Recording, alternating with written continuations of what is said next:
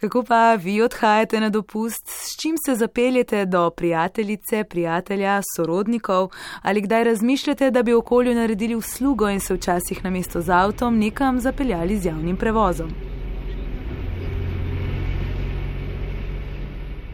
Navadno se za javni prevoz in v tem primeru avtobusni prevoz ne odločamo, ker je pot dolga, neudobna, s preveč postanki. Ampak, preden pridemo do zaključkov, preglejmo stanje.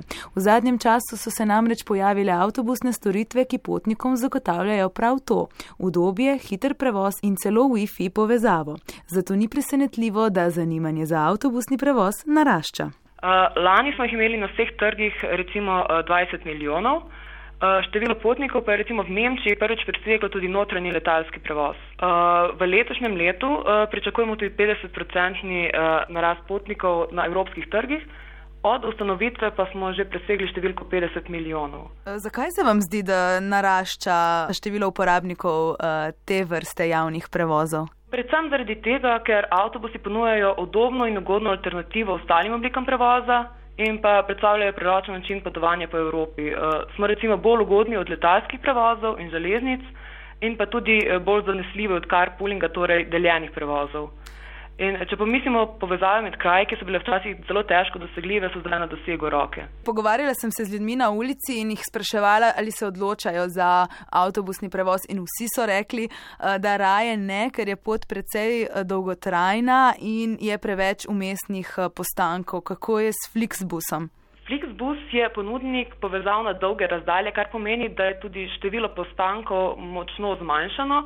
Poleg tega pa želimo potnikom ponuditi tudi odoben prevoz, torej se osredotočamo na visoko raven odobja, eh, zato tudi ponujemo Wi-Fi, eh, vtičnice, da je pač potovanje čim bolj udobno in čim bolj prilagojeno sodobnemu uporabniku. Tako Urška Jakša, predstojnica za stike z javnostmi avtobusnega prevoznika Flixbus. Nemško avtobusno podjetje je zaenkrat prisotno v 20 državah po Evropi, sredi letošnjega junija tudi v Sloveniji.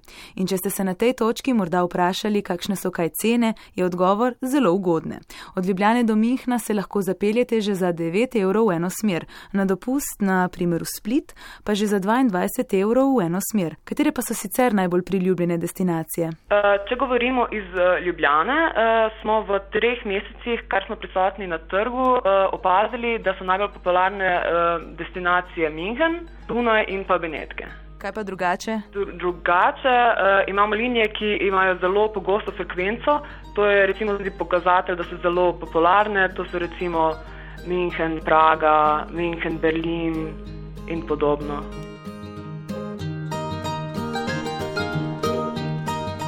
Prevoz lahko rezervirate na njihovi spletni strani in prek mobilne aplikacije. Lahko pa vozovnice kupite tudi na avtobusni postaji Ljubljana ali pri vozniku avtobusa. Uh, vendar pa bo v tem primeru na voljo po končni ceni.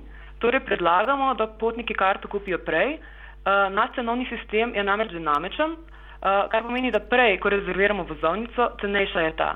To je recimo sistem, ki ga poznamo tudi pri letalskih ponudnikih. Kdo pa so vaši potniki? So to mlajši ali starejši ljudje?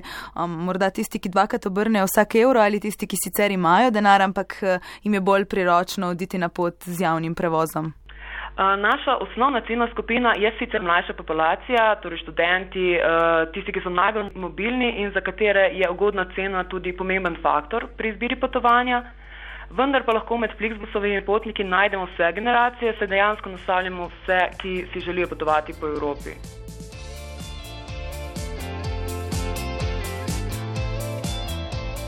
Do zdaj je veljalo, da sistem avtobusnih prevozov ni posebej prijazen do kolesarjev. S Flixbusom se tudi to spreminja. Ponujemo možnost prevoza koles, vendar samo na nekaterih linijah in sicer na posebnih nosilcih. E, če pa je ta možnost e, dosegljiva na posamezni e, vožnji, lahko potniki preverijo na naši spletni strani. A je za to potrebno dodatno doplačilo? Ja, doplačilo pa je standardno in sicer 9 evrov, ne glede na dolžino vožnje in na ceno vozovnice. Poleg standardnih linij sporeci lahko pogledate na njihovi spletni strani, pa Urška Jakša iz podjetja Flixbus omenja tudi novo obliko prevažanja oziroma organiziranja prevozov za manjše skupine. Sloveniji se sicer trenutno osredotočamo na delovanje rednih linij. Uh, Flixbus Shuttle pa je naša nova storitev, uh, ki pa smo jo kot bolj pilotni projekt um, že organizirali uh, v Nemčiji in na nizozemskem in sicer od letošnjega poletja, torej je zelo nova. Skupine lahko izberejo zaželeno destinacijo, najamejo avtobus, voznika in pač pot prilagodijo svojim potrebam.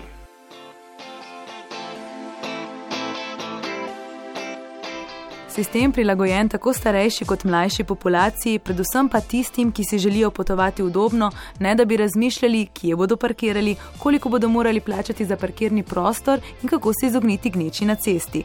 Ni pa Flixbus edina takšna storitev. Izpostaviti velja Megabus, ki ga je sicer kupil Flixbus in ta te lahko zapelje od Bruslja do Amsterdama že za dober evro, Eurolines, Eatbus in Student Agency Bus. Pregovor malo denarja, malo muzike tukaj, kot lahko sklepamo, tako ne velja.